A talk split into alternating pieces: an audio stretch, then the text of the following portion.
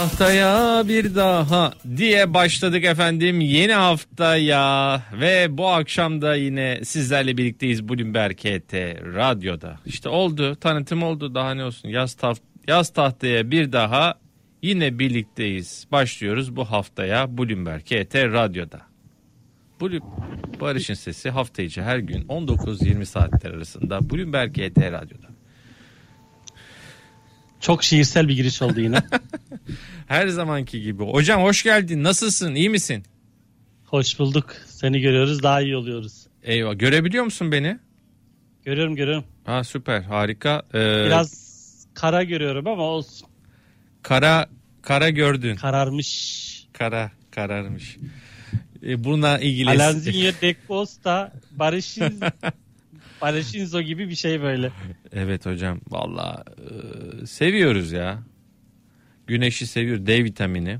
Deniz, kum, güneş. Evet. Yani mümkün olduğunca D vitaminini almak lazım. Malum ortalıkta hala bu e, salgın korku temkinli olmak lazım. Temkinli show başlıyor demiş bir izleyicimiz. Efendim hepiniz hoş geldiniz. Hem bizi Twitter'dan takip eden izleyenlere selamlarımızı, sevgilerimizi iletiyorum. Hem de bizi YouTube'dan izleyenlere selamlar, sevgiler, bol bol yine soru yanıtlayacağız. Üzeyir Doğan her zamanki gibi kırmadı. Bu akşam da her pazartesi olduğu gibi bizimle oldu. Ee, sağ olsun her zaman hem Üzeyir Doğan yanımızda. Gedik Yatırım e, sağ olsun e, her zaman bize destek oluyor programlarımıza.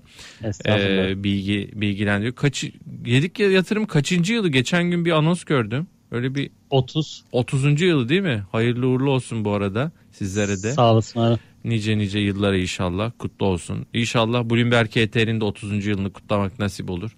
İnşallah yani Ben kaç biz 11. senedeyiz 20 yıl var hocam. Ee, 60 yaşın kaç yaşında? 60'tan sonra hala program yapıyor olmam herhalde. yani bilmiyorum olursa ama. abi 60 dediğin ne ki artık ya? Ha, ne bileyim hocam ya 60 yaşında hala yani kariyerim Bloomberg KT radyoda devam bilmiyorum. İlginç olur Vallahi ya. Barış, Böyle Hani vardır ya şey çok diyor- ünlü Amerikalı sunucular öyle olur herhalde. Larry King'ler falan. Ben eskiden şey diyordum 40 yaşını geç, ge- gelenlere şey diyordum. Ya amca diyorduk yani hiç böyle abi demek dilimiz ucundan bile geçmiyordu. Şimdi bir bana amca deyince böyle bir garip bakıyorum yani böyle. değil mi? Vallahi öyle ya haklısın hocam. Ee, bakalım hayırlısı Allah- olsun ya. Allah sağlık saat versin en önemlisi o. Amin amin. Artık gençlik yaşı biraz daha uzadı diyorlar. Yani böyle Tabii tabii. e, çocukluk devresi de uzadı. Böyle 30'a kadar falan çocukluk gibi geçiyor. 30'da 60 arası da gençlik oluyor herhalde. Sen- gençlik evresi. Kaç yaşında evlendin? Ben 33. Bayağı geç evlenmişsin sen de ya. Evet. Vallahi bravo sana. Ee, şimdi boyumuz kadar çocuğumuz oldu işte Evet evet vallahi Allah e, bahtını açık etsin. Şimdi amin. yeni haftaya başladık. E, tabii bugün enflasyon. İzleyicilerimiz muhtemelen sabahtan beri enflasyon yorumu dinliyorlar. Artık enflasyondan zaten Haydi. e, onlar aynen e, bayılmışlardır diye düşünüyorum. Zaten, Yükseldi daha da yükselecek diyerek özetlemiş olalım. Evet mevcut hali de zaten yüksek. Yani kendisi de e, bayıltıyor e, ve e, haberleri de bayıltmıştır diye düşünüyorum. Sabahtan beri zaten bu konudaki e, yorumları alıyorlar. Temkin menkul değerler diyorlar sana.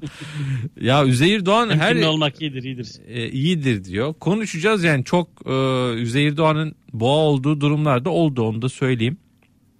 Efendim. E, canlı yayınımızın bu arada telefon numarasını anons edeceğim. 0212 255 59 20'deyiz. 0212 255 59 20 e, bize ulaşabileceğiniz telefon numarası Üzeyir Doğan sorularınızı yanıtlayacak. Önce istersen bugünle başlayalım. Bugün borsa neden yükseldi? Nasıl yükseldi? Ee, bu seni şaşırttı mı bugünkü yükseliş? Ee, şaşırttı diyebilirim. Yani ben açıkçası ben de enflasyondan sonra biraz daha olumsuz bir tablo olur diye bekliyordum ama piyasa e, şunu oynadı gibi bana kalırsa. Ee, bu enflasyonla Merkez Bankası faiz maiz indiremez. Yani erken faiz indirimi senaryosu artık e, gündemden tamamen kalk diye oynadı bence. Hani biraz böyle Temmuz'da mı Ağustos'ta mı enfli faiz iner mi inmez mi bu endişeler vardı. Ee, yani bugünkü enflasyondan çıkardığı ders bu oldu gibi. Yani böyle aslında satış olsaydı da şey diyebilirdik yani yüksek enflasyon işte Merkez Bankası'nın politikasına yönelik belirsizlik odur budur satış getirdi diyebilirdik. E, bugün tersi oldu. E, yükseldi ve şu anda da işte bunu diyebiliyoruz. Yani biraz daha böyle e, nasıl olsa artık bundan sonra yakında faiz indirimini kimse konuşamaz. E, kimse konuşamayacağı için de politikalar biraz daha Ekim'e kadar en azından e, belirginleşmiş oldu. E, bu gerekçeyle bence biraz hmm. e, piyasa alındı. Ama ben e, açık söylemek gerekirse hani çok sağlıklı bir yükseliş olduğunu da düşünmüyorum. Aslına bakarsan piyasadaki son dönemdeki hareketlerin hiçbirini sağlıklı olduğunu düşünmüyorum. Çünkü e, 12 milyar 13 milyar TL'lik işlem hacimleriyle. E, bugün de 13 milyar mı? Ne kadar? Ya, ya bugün BIST yüzde 12 milyar hacim var. 12 milyar. Çok BIST düşük değil mi? 8,5 milyar TL. Yani BIST 30 dışındaki 70 tane şirkette 3,5 milyar TL'lik hacim olmuş yaklaşık. Çok düşük değil mi? Çok. Yani bu hacimlerle bir yön tayin etmek, endeks niye yükseldi, niye düştü diye bir tanım Yorum yapmak bile zor. diyorsun, yani, garip diyorsun. Riskli aynen. Çünkü şey değil. Hiçbir anlam ifade, yön ifade etmiyor. Yani birincisi bu piyasa şu anda biz bize kaldık. Ee, yani Amerika'da bugün e, kapalıydı şey, bu arada. Aynen o da kapalıydı. Onun da etkisi vardı. Ee, tüm bunların hareketi. Yani bugün borsa yükseldi deriz. İşte niye yükseldi? İşte enflasyonu piyasa böyle yorumladı falan. Yarın tekrar bu aldığını geri verir. Niye düştü? İşte yüksek gelen enflasyon verisi sonrasında piyasadaki risk iştahında düşüş oldu deriz. Yani e, bugünlerde hani bazen böyle şey oluyor işte niye yükseldi mi tahmin etmedin e, ya da edemedin bir gerekçe bulamadın. Bugünlerin hikayesi bu. Bu hacimsizlikle bir gün arttı bir gün eksi. Arttığı zaman da aynı gerekçe işte mesela yurt dışında da aynısı oluyor ya mesela e, endeksler artı oluyor. Niye arttı? İşte ekonomik büyümedeki toparlanmaya ağırlık veren piyasalar. Ertesi gün düşüyor. Bu sefer yorum şey enflasyona ilişkin e, endişelerin ön plana çıkmasıyla bugün düzeltme oldu. İşte bizim piyasada öyle. Bugün yükseldi. Niye yükseldi? İşte sorarsan enflasyon hikayesi yersen e, değilse işte bire geldi aldı yani. Bana kalırsa bugünkü hikayeydi. Biri geldi aldı. Zaten likit de yok. Biri de aldı mı gidiyor piyasa. Onun ekstrasında ben başka bir e, detay aramaya gerek olduğunu düşünmüyorum açıkçası. Peki e, 0212 255 59 20'den soruları almaya başlıyorum izninle. Emre evet. Bey iyi akşamlar. İyi akşamlar Barış Bey. Nasılsınız? İyi akşamlar Üzeyir Bey. İyiyim. Siz İyi akşamlar. Teşekkürler. Buyurun efendim. Ee, hocam 3 tane sorum olacaktı. Evet. Biri Oyak Çimento, Şişe Cam. Bir de mesela Biotrend e, Cuma ve Pazartesi günü iki sefer yüzde on yaptı. Bu e, hafta sonu bir, bir fabrika açılışı yapacağını duyurdu. Bundan kaynaklı mıdır? Ama cuma günü yüzde on artmasında bunun etkisi var mı? E, şimdi şeyden başlayayım, Oyak'tan başlayayım. Çimento sektörü zaten zayıf. Oyak'ta birleşmeden sonra çok sert düzeltme sürecindeydi. Orası da hala e, zayıf seyrini koruyor. Geçtiğimiz haftalarda biraz bu Kanal İstanbul biraz çimento sektörünü, GE sektörünü hareketlendirmişti ama o zaman da söylemiştim yani bu son beklenti olur. E, temel atıldıktan önce ya da sonrasında hemen e, sert düzeltmeler olabilir diye. Genel itibariyle çimento sektörü de GEO sektörü de zayıf. Oyak çimento da bunu ayak uyduruyor. Yani mevcut e, dönemde de bu faiz oranlarıyla ki kolay kolay da düşmeyeceğini e, tahmin ediyorum. E, bu enflasyon verileriyle ben gerek inşaat sektörünün gerekse çimento sektörünün zayıf kalmaya devam edeceğini düşünüyorum. E, şişe tarafında da şunu söyleyeyim. Yani benim e, sık sık önerdiğimiz hisselerden bir tanesi. Halen de yukarı yönlü potansiyel olduğunu düşünüyorum. Zaman zaman şişe son 1-2 haftalık dönemde olduğu gibi düzeltmeler yapıyor. Ama bu düzeltmeler ana trendi değiştirmiyor. Bana, o nedenle de bu geri çekilmeler bence mevcut fiyatlar da dahil e, yaşanabilecek geri çekilmeler. Kabaca işte 7.25'e kadar 200 günlük ortalama hemen hemen oralardaydı o bölgeye kadar bence bir alım fırsatı oluşturuyor. Ee, ben açıkçası şu anki fiyatlar da dahil bir miktar daha aşağısını işte göz önünde bulundurarak her düşün alım fırsatı olarak değerlendirilebileceğini düşünüyorum. Ee, hala iskontolu bulduğumuz prim potansiyelini yüksek bulduğumuz hisselerden bir tanesi. Biotrend için çok bir şey söylemeyeyim çünkü halka arz yeni halka arz oldu. Yeni halka mi oldu? arzdan sonra da e, yeni sayılır yani bu senenin halka arzlarından hmm. Mayıs'ta halka arz oldu. Halka arzdan sonra bir süre volatil bir fiyatlama vardı. Şu anda da çok e, hızlı bir yükseliş gördük.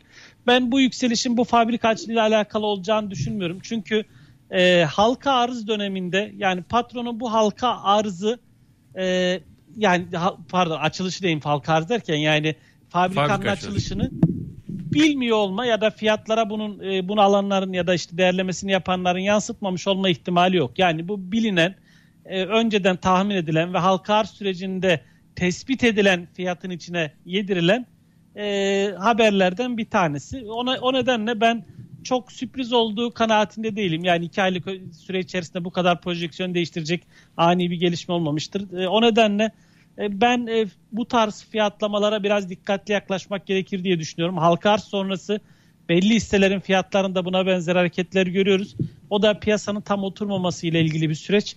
E, ben açıkçası temkinli yaklaşırım buna. Hani o temkin kelimesini çok kullanıyorum ama yani bu iki günlük böyle bir hareketi de ben çok yani güvenli görmem yani. Temkinli. Sen sen ben temkin dibini görmediğim suya girmem. Yani benim e, felsefem odur. Yani bu, dibini görmedi. Bu abi şey gibi. Warren Buffett işte e, falan filan e, neydi? Sular çekildiğinde kimin şortsuz yüzdüğü belli olur falan sözleri var ya. Sen de diyorsun Aynen. ki dibini dibini görmediğim suya, suya girmem. Üzeyir Doğan. Aynen. Üzeyir Doğan yaz Buffett. Aynen. Vallahi yaz bunu. Bunu şey yazsana Twitter biyona. Tipini görmediğim suya girmem. Üzeyir Doğan. Ee, ya bu arada gördüğüm suda beni kaldırmıyor falan diyormuşum sonra. Evet ya bütün parayı falan ve 3 tane ev sattım hepsiyle işte şu hissesini yapmayın ya Fuat Beyciğim böyle bütün parayı ve 3 tane evi sattım hepsiyle bir tane hisse senedi aldım. Aman gözünüzü seveyim ya. Bu... Valla hele ki biri söylediyse aldıysanız çok dikkat edin. Koç Holding almış yani Koç olur, e, Sabancı olur, banka olur ama yani Yine de bu yanlış strateji yani yanlış. Koç, Koç için demiyorum ben. Değil mi hocam? Strateji Hayır, yanlış. Yanlış bir hisse değil ama strateji yanlış. Aynen. Evet. Yani bütün böyle parayı, varı yoğunu koymak e, yani doğru tabii yazdığı doğrudur diye inanıyorum ben. Duyda inanma yazmış bir izleyicimiz ama yani do e, bize yalan yazmazdı herhalde izleyicilerimiz. Niye yalan yani ne ne kimsenin yalan borcu yok. Yalan borcu yok. Niye yazsın ki? Yani eğer öyle yaptıysa bir kez daha gözden geçirmesi e, vallahi bence iyi olabilirdi. Kazanabilir de bu arada. Ona da bir şey demiyoruz. Aynen. Ama strateji olur. Bütün evi, araba, borsaya böyle bütün evi, araba, her şeyi satıp borsaya girmek yanlış. Birincisi o yanlış. ikincisi tek bir hisseye koymak da yanlış. Tek yani iki tane yanlış var orada. Bir portföyü zaten çeşitlendirmek lazım. İki hisseleri çeşitlendirmek lazım. Ha, deseydi ki sana Koç Holding hisse senedi alayım mı? Hani bir işte param var borsa yatırmayı düşünüyorum. İskontolu orta uzun vade için her türlü değerlendirilir derdim. Ama burada da şunu atlamamak lazım. Mesela Koç Holding geçen hafta Koç Holding ve Arçelik hisse geri alım programı açıkladı biliyorsun. Arçelik'te gerçekten çok yüklü bir miktar açıklandı. Yani o hisseyi çok şey yapabilir ama Koç Holding'de açıklanan tutar yani ana trendi değiştirmez ama gerçekten dip oluşumunu destekler bir haberdi. E, bence orta uzun vade için zaten Koç Holding oldukça iskontoluydu. Bu haber destek sağlar. Sadece bu tarz bir haber için aldıysa yani e, sadece buradan gitmez. Ama genel itibariyle benim de iskontolu bulduğum ve e, uzun vade için bizim de önerdiğimiz hisselerden bir tanesi açık söylemek gerekirse. Bir de şey hep duyuyordum. Hemen telefonun telefonlara döneceğim ama e, deniyordu ki Koç mu Sabancı mı? Sabancı daha iskontolu diye yorum alıyorduk. Kesinlikle daha iskontolu. E, yani baktığımızda piyasaları defter değeri Koç'a göre neredeyse e, hani %30 %40 daha iskonto var. E, ama ben Koç Holding'in iştiraklerinin e, daha e, potansiyeli yüksek olduğunu düşünüyorum. Bir de Koç Holding'in e, net aktif değerine göre de e, iskontosu tarihsel ortalamalarının çok çok gerisine geldi.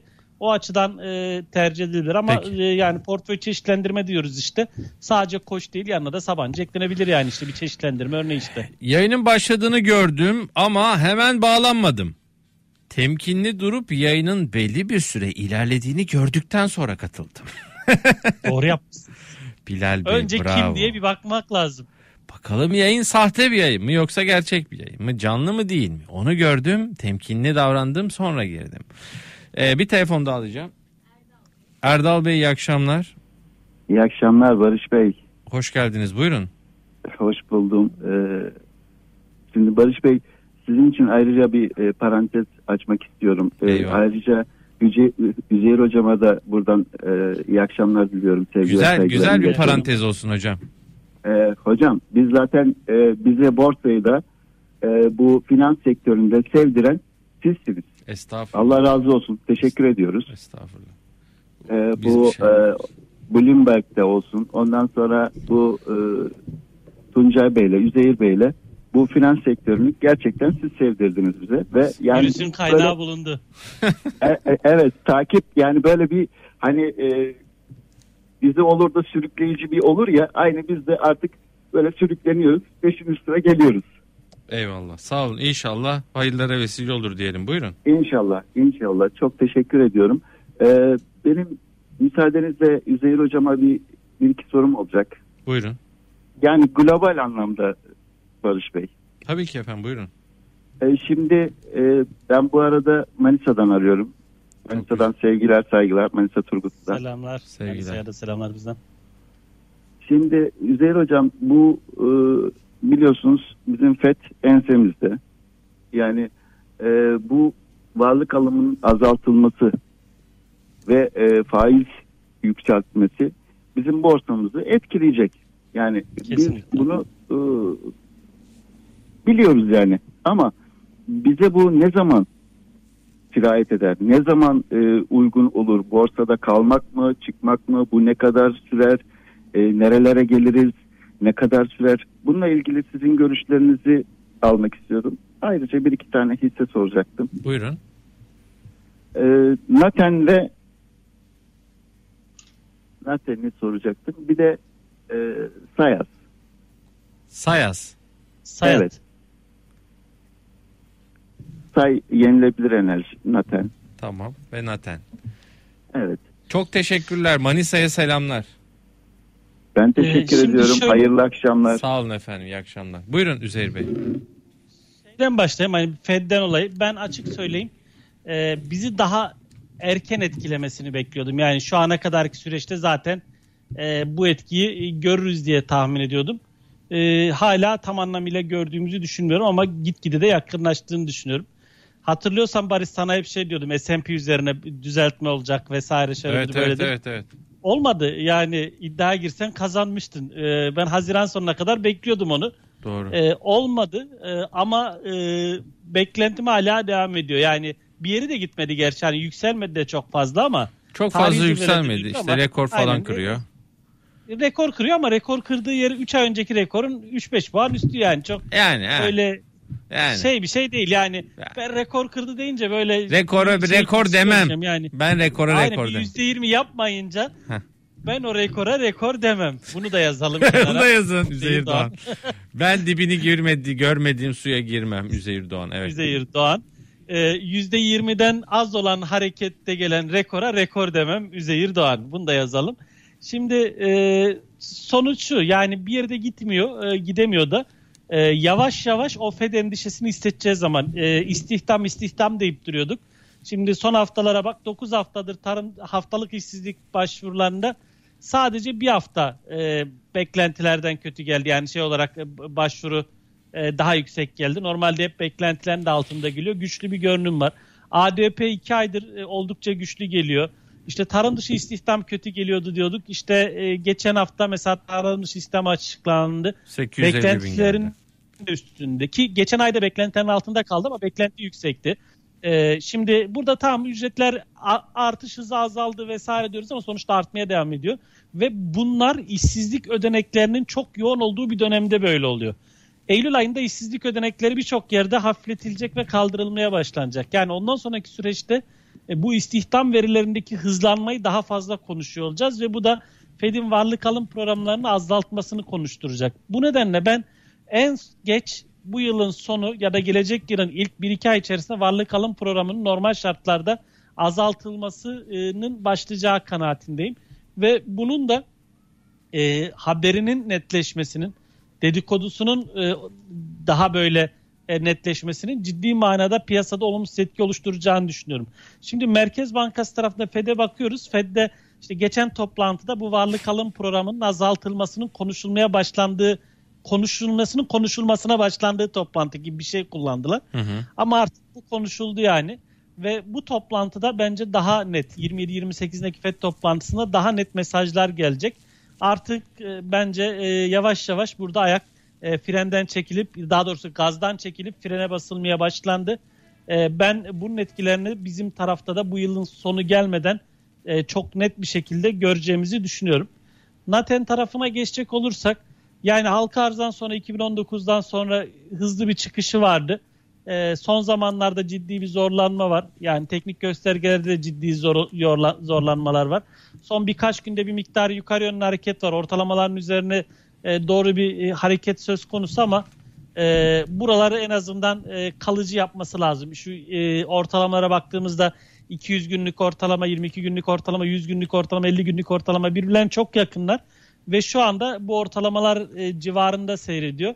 E, burada yakın vade için en azından e, bu 100 günlük ortalama e, burası da geçilecek olursa orası da kabaca 39-30 civarı bence alım düşünülebilir ama e, öncesinde biraz e, beklemek lazım. E, bugünkü hareket çok kuvvetli. Zaten teknik görünümü düzelten de o. E, eğer yarın bu hareketle beraber e, bence e, yani bu 39-30 civarı bunun üstüne geçilirse bence bir stop koyup alım denenebilir. Yani e, çünkü orada düşen trend de sonlanmış olacak. E, son kısa oluşan trend. E, bir alım denenebilir. E, yarın takip etmek lazım. E, bu dediğim 39-30 üstü e, bence alım denenebilir. E, makul bir stop koyup burada risk alınabilir. Ama burası geçilemiyorsa, üzerinde kapanış olmuyorsa e, bu durumda da bir stop seçeneği çalıştırmak lazım diye düşünüyorum. E, diğer hisse Sayas. E, ha, Sayas. Evet. Yani şöyle söyleyeyim, e, yakın dönemin çok e, sert fiyatlanan ve bence e, makul bir gerekçeyle açıklanabilemeyecek e, fiyatların olduğu hisselerden bir tanesi. E, eski say reklamcılık. E, yani hisseye baktığında Barış şu an yaklaşık 10-12 civarı piyasa değer defter değeriyle işlem görüyor. Hatta 13'e yakın. Hı hı. E, yani geçmişte bunun e, 25'ler 30'ları bile görmüşüz.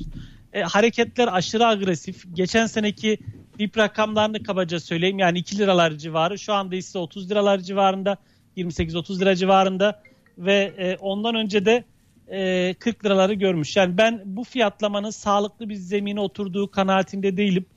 E, o nedenle de e, mümkün olduğu kadar uzak durmakta fayda olduğunu düşünüyorum. Yani belki temkinliden tam kastımı anlatamayabilirim. Temkinli olun deyince hani böyle temkinli olun ama yani bir eliniz orada olsun gibi bence bundan uzak durun. Yani Peki. bu kadar net söyleyebilirim. Fiyatlamaların çok sağlıklı olduğu kanaatte değilim orada. Peki 0212 255 59 20'de Erdal Bey iyi akşamlar. Erdal İyi Bey. akşamlar e, Kemal. Kemal Demir. Herhalde isim yanlış söylendi Barış abi. Evet Erdal Bey bir öncekiydi sanki. Kemal Bey hoş evet, geldiniz buyurun. Evet hoş bulduk Barış abi. Üzeyir abi iyi yayınlar. Sağ olun efendim. Ee, şimdi benim bir sorum olacaktı da hisse üzerinden değil de ben bu şirketlerin kayıtlı sermaye tavanı var ya Üzeyir abi.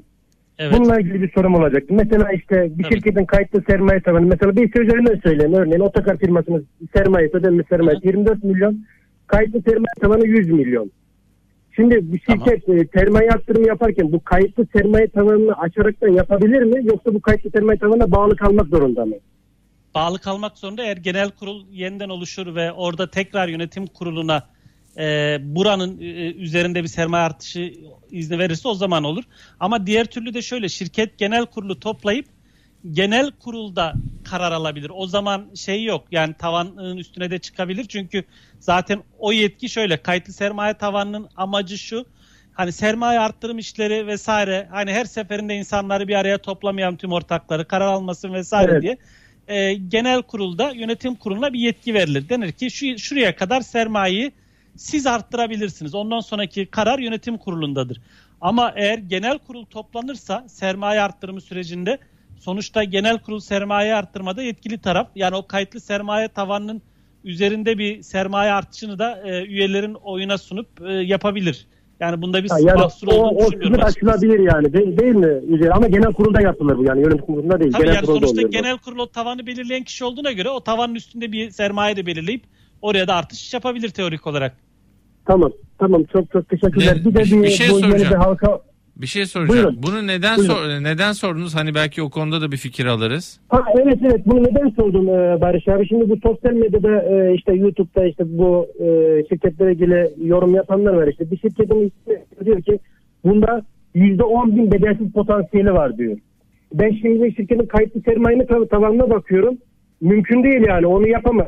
İşte hani bunu sormaktaki maksadım hani yönetim kurulunda bu karar alınmış ama genel kurulda Üzeyir abinin dediği gibi genel kurulda eğer bu karar alırsa olabilir demek yani onu Zaten öyle bir niyet olursa genel kurulu toplarlar. Yani öyle bir bedelsiz bölünme ve böyle yüksek bir artış varsa genel kurulla yapılır. zaten bu bedelsiz sermaye arttırımlarının olduğu dönemler spekülasyonun olduğu dönemler ağırlıklı Ekim-Kasım gibi başlar beklentiler. E, Mayıs gibi de sonlanır. Evet. Niye? Çünkü Mayıs-Haziran gibi işte genel kurullar bitmiş olacak Nisan-Mayıs gibi. Orada karar çıkmazsa bir dahaki genel kurula kadar öyle bir bedelli sermaye, bedelsiz sermaye arttırımı olmaz diye e, şey olmaz. Yani genel kurulu eğer Ağustos'ta toplar Ağustos'ta da yapabilir mesela o sermaye arttırımını. Yani orada bir engel yok aslında. İlla ki Nisan'ı bekleyecek şey yapacak. Ee, yani o zaman şey e, bu medyada, sosyal medyada yapılan yorum olsun doğru gibi olmuş oluyor ama hani işte genel Yine kurul kararıyla olabilecek o, bir şey bu. Bedelsiz sermaye arttırımı hikayesi 10 şirket için söylenir bir tanesinde olur. O da evet. zaten manipüle edilmiştir öncesinde. Bedelsiz sermaye arttırımı olduğunda iş işten geçmiş olur. Ben o bedelsiz sermaye arttırımı furyasına çok kapılmamak gerektiğini düşünüyorum. Anladım, Tırnak içinde temkinli olmak gerektiğini Bir de bu düşünüyorum. E, yarın halk, bugün halka arz oldu. Yarın da var herhalde. Bu VBTZ yazılım. Ben biraz araştırdım ama sizin fikriniz nedir bununla ilgili? Ben hiç araştırmadım açık söyleyeyim. Yani o nedenle Yanlış bir şey, şey söylemiş olmasın. Tamam. Ee, tamam. Yani tamam bakmadım. Çok, çok teşekkür ederim efendim. İyi akşamlar diliyorum. Sağ olun. Telefonlara devam ediyorum. 0212 255 59 20'de. Gurur Bey iyi akşamlar. İyi akşamlar Barış Bey. Nasılsınız? İyi misiniz? Sağ olun. Siz nasılsınız? İyiyiz bize. Ne, güzel, ne güzel isminiz var ya. Gurur. Evet.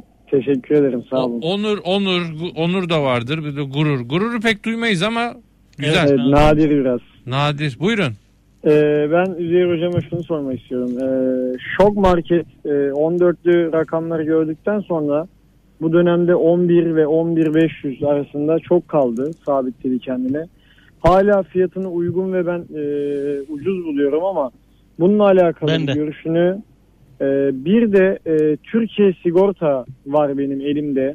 E, maliyeti 6 liradan aldığım bir 7000 not var. Sizce şu anki rakamları e, maliyet düşürmek için uygun mu? Yoksa e, biraz daha bekleyip evet borsa ben artık hareketime başladım dediğinde mi alım yapmak daha sağlıklı olur? Bununla alakalı bir yorum istiyorum sizden. Mümkünse. Şimdi ben şöyle söyleyeyim. E, borsada e, vay bunu kaçırdım işte gitti göçtü hani genel endeks bazında çok spesifik hisseler haricinde öyle bir dönemde olmadığımızı düşünüyorum. Bu Temmuz ayı zaten e, yatışla geçer gibi geliyor bana. E, bayramdı işte 15 Temmuz sürecidir, Ramazan bayramıydı vesaire. Yaz tatili, insan, şey Kurban Bayramı pardon, yaz e, tatili insanların e, olmaması, onun Ağustos'a yansıması yani çok ekstrem hikayeler oluşacağını düşünmüyorum açık söylemek gerekirse. Bu hisselerde de böyle çok e, uçtu kaçtı olur gibi bir beklentim yok ama bu dönem için e, bence e, yani genel gelişmeleri de izleyip düşüşlerde portföylerde iyi hisselerden eklemek gerektiğini de düşünüyorum. Yani yıl sonuna doğru ben yine bir hikaye buluruz gibi geliyor bana. E, her ne kadar FED endişesi e, olsa da bunu muhtemelen e, Temmuz, Ağustos ve Eylül'de zaten e, büyük oranda fiyatlamış oluruz. Ben o süreç içerisinde Fed'in netleşeceği kanaatindeyim. E, ama bu süreçte biraz e, aşağı yönlü hareketlerde görebiliriz bu hisselerde de. Eğer alım yapacaksanız bence biraz bekleyin ve zamanı yayın derim. E, şok bana kalırsa da oldukça iskontolu. E, ama gitmiyor. Yani ama bayağı iskontolu değil mi? Hep konuşuyoruz. Evet, yani hep iskontolu. Yani gitmiyor. E, burada hani bu tarz zamanlarda hisseyle çok inatlaşmamak lazım. Yani e, hani güzel bir konjöktür yakaladılar. İşte bu peraken şey kapanma dönemleri marketlerin satışlarının artması e, vesaire ama bunların hiçbirini e, fiyatlayamadı. Yani burası da enteresan döngü. O nedenle ben e, hani portföydeki ağırlığını biraz düşük tutmayı tercih ederim şok için. Ama bu fiyatlar hani e, normal şartlarda e, satılır mı deseniz hani alınabilecek dediğimiz yerler aslında buralar. Bir taraftan da öyle bir handikapı var. E, bu nedenle portföyde dursun ama e, farklı şeylere de alternatif tanımak lazım e, bence. Türkiye sigorta tarafında şunu söyleyeyim. Yani o birleşme süreci vesaire çok güzel fiyatlanmıştı. Sonra uzun süredir onun realizasyonunu izliyoruz. Ciddi bir düşüş trendi var. Ama ben bu düşüş trendinin açıkçası yine orta uzun vade için alım fırsatı oluşturduğunu düşünüyorum. Yani ben olsam Türkiye sigortada buralardan başlarım. Belki 4 liralara kadar geri çekilmelerde bu birkaç ay içerisindeki dönemde maliyet oluşturmayı tercih ederim. Benim uzun vade için e, bölgedeki hedeflerini vesaire göz önünde bulundurduğumuzda hikaye yaratabilecek şirketlerden biri olduğunu düşünüyorum. Yani Türkiye Sigorta tarafında benim hala e, beklentim e, kuvvetli.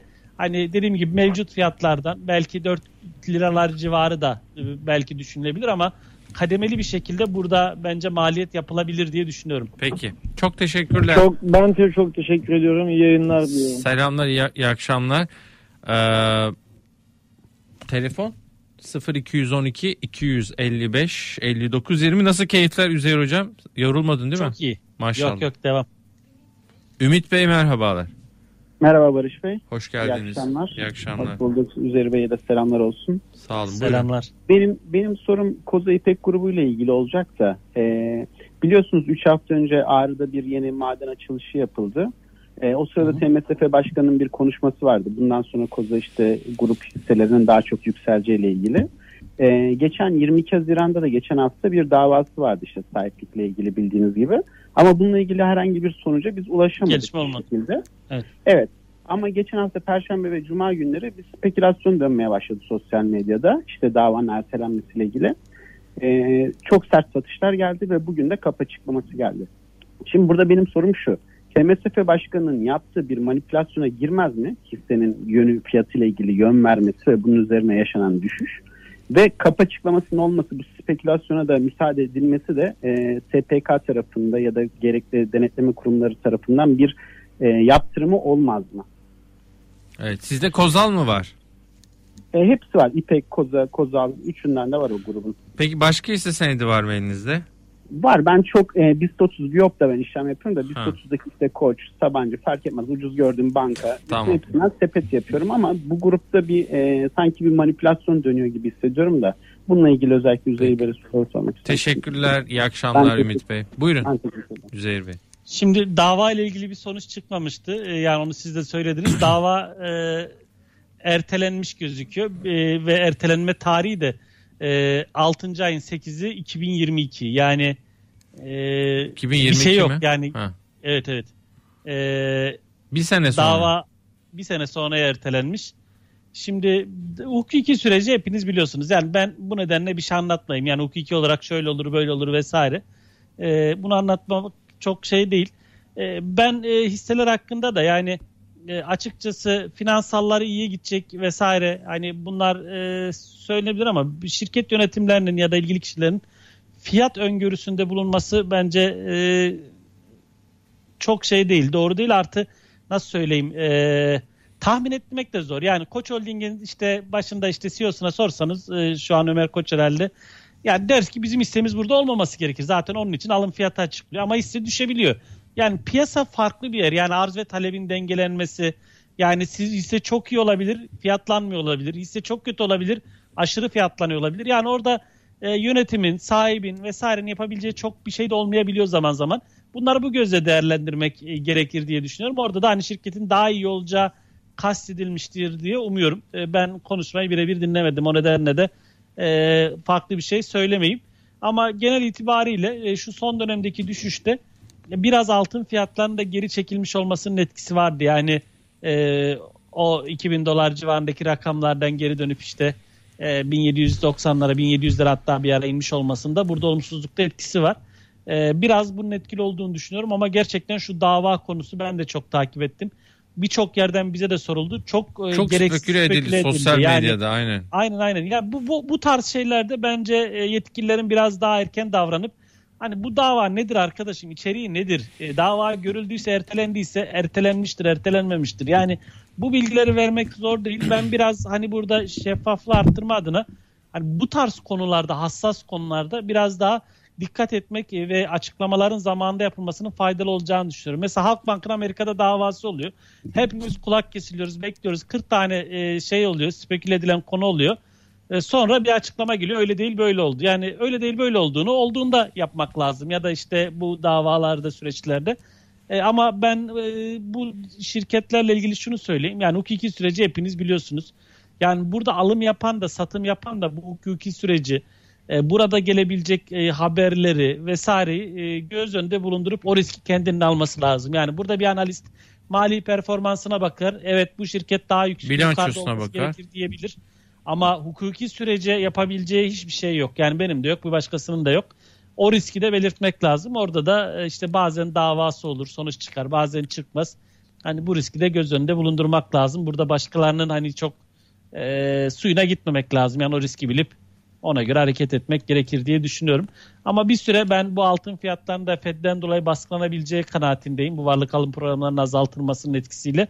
Bu nedenle e, grup şirketlerinin tamamında Kozal'da, Koza'da, İpek'te e, yani bunlarda da bir miktar e, bu baskının hissedilebileceğini düşünüyorum. İpek farklı e, değil mi yoksa Onda ya grup... çat şirket gibi düşün. Yine burada beraber hareket ediyorlar. Beraber e, etkileşim oluyor açıkçası. Hmm. Peki. Yani Tef... alanlar da satanlar da Peki beraber hocam. alıp beraber satıyor gibi burada. Peki 0 212 255 59 20. Taha Bey iyi akşamlar. İyi akşamlar Barış Bey. İyi Hoş. akşamlar Üzeyir Bey. Hoş geldiniz. İyi Buyurun. Akşamlar. Hoş bulduk. Ee, ben çok zamanınızı almak istemiyorum. İki tane hisse senedimi soracağım. Birisi Galata Wind. Özellikle biliyorsunuz halka arzdan sonra bayağı bir düştü. Ciddi manada da e, zarar eden yatırımcı kitlesi var. Açıkçası ben halka arıza girmedim ama sonradan e, 4 liradan yani bir %20 kadar düştükten sonra bir miktar almak istedim. E, tabii ki hiçbir değerlendirme yapmadım. Tamamen e, düşüşü değerlendirmek istedim. İkinci sorumda yani bu Galata Wind'i biraz açarsanız sevinirim. İkinci sorumda yapı kredinin ya da bankacılık sektörünün dediğiniz gibi yıl sonunda bir hikayesi olur mu? Teşekkürler efendim. İyi akşamlar. Teşekkür ederim. Radyodan dinliyorum sizi. İyi günler. Tabii İyi ki. Bankacılık bugün iyiydi bu arada. %2 evet zaten yukarıdaydı. yükselişte de biraz onun etkisi vardı. Şimdi şöyle Galata Wind ile ilgili şunu söyleyeyim. Bu da yeni halka arzlardan. E, Nisan ayında halka arzı oldu ve halka arzdan sonraki en zayıf performansı gösteren hisselerden bir tanesi. Hmm. Yani birkaç şirkette bu kadar sert e, düşüş görmüştük. Bir tanesi de bu Galata Wind oldu. E, ben e, açıkçası o düşüş trendini gördükten sonra çok ilgilenmedim. Yani genel itibariyle e, bakmadım. E, bu halka arz sonrası fiyatlamalar sert olabiliyor. Geri dönüşler de sert olabilir. Yani e, bu da olmaz diyemiyorum. E, hatta e, son dönemde biraz dengelenme çabası var son 4-5 günlük dönemde. Ama burada yukarı yönlü bir hareket olursa da sert olur. Yani e, o açıdan e, hani ne bileyim bir şey söyleyebilmek zor açık söylemek gerekirse. Hani değerleme olarak da halka arz sürecinde yapılan değerlemenin üstüne konuşacak bir şey olmadı. Yani ekstra bir şey. Oradaki fiyatlar genel olarak makul bulunmuştu piyasa tarafından. E, şu an baktığın zaman oradaki fiyatın neredeyse yüzde 40 altında. E, bu, bu da ciddi risk olduğunu gösteriyor. Ama dediğim gibi son 4-5 günlük periyoda bakınca e, bir risk alınabilir gibi geliyor. Yani ne olur? E, önceki gün gördüğü dip seviye e, 3.26. Burayı stop kabul edersin bunun altını ve üzerinde risk alınabilir. Yani böyle bir e, ufak risk denemesi yapılabilir ama portföyde makul oranlarda ve makul ölçüde e, hareket etmek kaydıyla. Yani tüm parayı işte biraz önce e, bir dinleyicimizin yazdığı gibi ev arabayı sattım tüm parayı buna bastım olmaz ama portföyde e, makul bir oran %5 olur %10 olur. Hani bu hisse bu fiyattan e, dediğim gibi risk alınabilir mi? E, denenebilir. Yani dediğim gibi bir dönüş olursa bunun dönüşü de hızlı olabiliyor. O nedenle e, çok uzak durmam risk alma konusunda burada. E, ama risk alırsam da dediğim gibi önceki gün gördüğü dip seviye 3.26 benim için e, kesin stop yeri olur. Yani onun altında e, çok da uğraşmam. Peki e, bir, bu arada güzel bir soru var ama telefonu bekletmeyeyim. Sonra aramız var. Arada yanıtlayalım. Şöyle diyor. E, e geçmiş yıllarda birikmiş karları var. Kozal için söylüyorum ama Mehmet Gürsoy'un sorusunu ben biraz şöyle genele yayacağım. Kozal nakit zengini geçmiş yıllar birikmiş karları var. Bana sorarsanız sağlam temettü dağıtır ama şirket e, kimin olduğu e, belli, belli değil. değil demiş. E, burada tabii Doğru. ki şöyle diyeceğim. Kimin olduğu önemli mi diyeceğim. Ben biraz öyle anladım soruyu da yan, yanlış okumuşum demek ki. Şöyle zannettim, şöyle yazdığını zannettim izleyicim. Şirketin kimin olduğu önemli değil. E, birikmiş karları var. Sağ ben soruyu öyle sormuş olayım çünkü benim aklıma öyle geldi soru.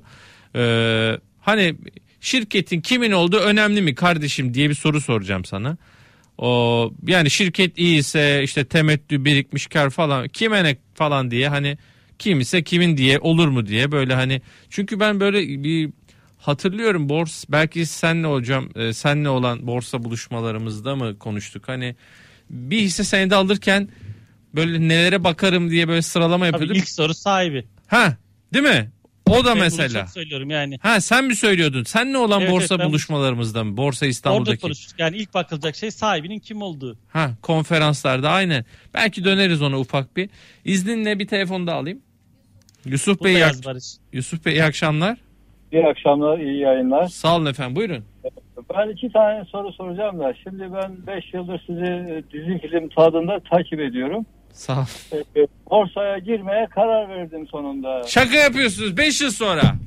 5 yıl sonra evet. Ah Bayağı hocam. siz de. Ya valla bir şey diyeceğim. Keşke geçen sene gireydiniz be Yusuf hocam. Ya, yani ben de onu soracağım. Zamanlamam çok mu kötü? Biraz daha bekleyeyim mi? bir 5 yıl daha bekleyeceğim. Yok, şu an girdiyseniz yine çok kötü bir zaman değil. Girmemiş bence. daha sanırım. Girdiniz mi? Ee, yok daha henüz şey yapmadım da e, bir be ben, e, aylık 5 bin lira yatıracağım ve 3 yıl vadeli düşünüyorum. Tamam. Nasıl bir şey tavsiye edersiniz? Çok güzel evet. soru. Üzey Bey senin sorun var mı Yusuf Bey? Bak niye 3 yıl vade onu sorayım. Yani yaş artık ilerliyor.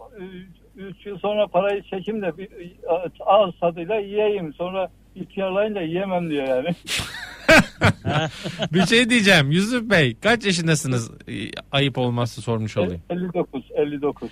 Ya ben e, bir şey diyeceğim. Daha gençsiniz ya. Daha gençsiniz evet ama şöyle söyleyeyim. Evet. E, hani hepimiz için yarına e, ne olacağımız belli değil. Evet. Yiyebil ben naçizane bu Barış Esen'in e, amatör tavsiyesi. Canınız bir şey istediğinde de yapın be. Valla beni hatırlayın yapın. Bir... Yapıyorum e, bu bir 5 lira fazlalığım var. Yani ha, tamam. Öyle... Tamam o zaman süper. Yani bir tatile mi gittin bir yere mi görmek istiyorsunuz? Gidin hocam. Valla gidebiliyorken gidin. Üzeyir abi haksız mıyım? Aynen aynen. Gezdim. Dört ülke gezdim. Ben gezginim aynı zamanda. Nesiniz efendim? Gezginim. 40 e, ülke gezdim. Hı. Türkiye'de gitmediğim ilçe kalmadı. Ha, o süper helal olsun valla. 40-60 yapın. Demek ki çok rahat bu tavsiyeyi verebilirim. Bu çünkü bundan güzel bir şey yok ya. Valla ben onu düşünüyorum Yusuf Bey. Siz de asbal etmiş olun. İnsan niye yaşıyoruz hocam? Zengin olsak Aynen. yani 1 milyon doların olmasıyla 10 milyon doların olması arasında benim için çok büyük bir fark yok. Bu e, sevdiklerine beraber bir yerler görmek benim için zenginlik. Yani e, en iyi Barış, arabayı... 10 milyon dolar olursa aradaki 9'u bana verir misin? Ya sana e, sen ne istersen yaparım. Bir gün 10 milyon dolar olursa diye sordun. Aradaki 9'u verin bak. Buyurun Yusuf Bey. Ee, çok teşekkür ederim. Ee, bu kadar. Tamam Üstad teşekkür ederim. Buyurun e, Zehir Bey. Şimdi birincisi bu birikim olayı gerçekten e, doğru bir mantık ve bence Borsa İstanbul'da e, şu aralar birikim yaparken maliyetlere de çok bakmamak lazım. Her ay 5 bin lira diyorsunuz ya. Bence buradan gözü kapalı başlayın. Yani düşerse bir %5 bir 5 bin lira da. Düşerse bir %10 bir 5 bin lira da. Düşerse bir %5 bir 5 bin lira da. Yani e, düşmez o kadar belki ama düşerse de zaten alacağınız için maliyet olacak. Geri dönüşte de bu ortalama maliyetleri oluşturacaksınız ve ben 3 yıl içerisinde borsanın illaki bir hikaye oluşturacağı kanaatindeyim ve ciddi bir getiride potansiyeli sunabileceğini düşünüyorum. İlla kendinizi 36 ayın sonu diye şartlandırmayın. O zaman belki hani düşük yüksek satışları da önemli. Ama ortalama bir trendde ben böyle bir stratejinin e, Borsa İstanbul açısından e, faydalı olacağını düşünüyorum. Hangi hisse alayım derseniz de mesela biraz önce bahsettik Koç Holding, Sabancı Holding ucuz hisseler alınabilir. E, bankalar ucuz. E, portföylere eklenebilir. Yani ilerleyen bir dönemde inşallah şu enflasyon belasından biraz kurtuluruz ya da hafifler bunun etkilerini bankacılık tarafında da pozitif görürüz. Onun haricinde ne derseniz işte e, atıyorum e, Türksel e, iskontolu şirketlerden bir tanesi e, değerlendirilebilir. E, yani bu tarz şirketlerden e, bir 5-6 şirket belki belirleyip hepsinden her ay düzenli alım yapılabilir ve güzel de bir strateji oluşturur diye düşünüyorum. Peki çok teşekkürler Yusuf Bey güzel sorusu için. Kısa bir araya gideceğiz. Arada biraz şu Twitter, YouTube sorularına belki bakarız. Sonra yavaş yavaş toparlayacağız. Efendim Üzeyir Doğan'a son e, bir soru e, YouTube ve Twitter yaptık bu arada. Çok e, güzel hızlıca sağ olsun Üzeyir Doğan. O izleyicilerimiz de dinleyicilerimiz de kırmadı. Onlar çünkü bazen biz telefona dalınca diyorlar ki ya bizi unutuyorsunuz. E, eczacı ilaç sanırım onu sormuş. Ecil C. Ne dersin? Yani şöyle söyleyeyim. ben e, gayrimenkul tarafını ve gayrimenkul ağırlıklı şirketlerin birçoğuna e, şu arada mesafeli olmak gerektiğini düşünüyorum. Hani bir GEO şirketine bakış açım neyse eczacı ilaç içinde o e, ve genel itibariyle de zayıf seyrin e, bir süre daha devam edeceğini düşünüyorum. Yani bu faiz oranları e, ve pandemi riski genel itibariyle hala devam ediyor bir noktada. E, bunların pek e, bu GEO sektörüne, e, alışveriş merkezlerine vesaire e, çok yarayacağını düşünmüyorum bu konjonktürde. Bu nedenle de uzağım açıkçası. Abi çok teşekkür ederim ya. Valla bir saat böyle dolu ederim. dolu bir program oldu. Ağzına sağlık. Ee, Sen sağ olasın. Yüreğine sağlık derler ya böyle. Yüreğine sağlık dedi. Yaz onu da bir kenara. Evet. Şimdi e, akşam 9'da ekonomik e, görünüm var. E, Abdurrahman Yıldırım ve Şeref Oğuz bizlerle olacak. Saat 10'da küresel piyasalar Murat Salar ve Recep Atakan. Haftaya e, bu arada haftaya beraber olamayacağız muhtemelen. Ana haber bende. Haftaya olamayacağız. Sonraki hafta da bayram haftası değil mi? Kurban bayramı. Aa. Bu ee, hafta biz seninle 9'unda beraberiz herhalde değil mi? Ha senle bir Akşam. tabii yayınımız da var. Tele, gelecek misin? 9'unda. Geleceğim. Ya geleceğim derken oraya mı geleyim ya böyle mi yapacağız? Gelebiliyorsan gel. Bekleriz. Gel. Gelirim. Gelirim ne olacak? Gel ya. Gel bir yüzünü görelim bir hocam. Gel. Be. Çıkışta bir, iş, bir yemek ısmarlarsın artık bilmiyorum. Tabii geç, çok geç oluyor saatte. Evet. Ya sen iste yeter hocam ya. Bir güzel akşam çorbacı yayından sonra gideriz inşallah. Çok geliriz, teşekkürler. İnşallah. Ee, bekleriz ben teşekkür inşallah. ederim. Kendine dikkat et hocam. Sağ olasın. Herkese Görüşmek iyi akşamlar üzere. diliyorum efendim. Buluşmak üzere yarın akşam.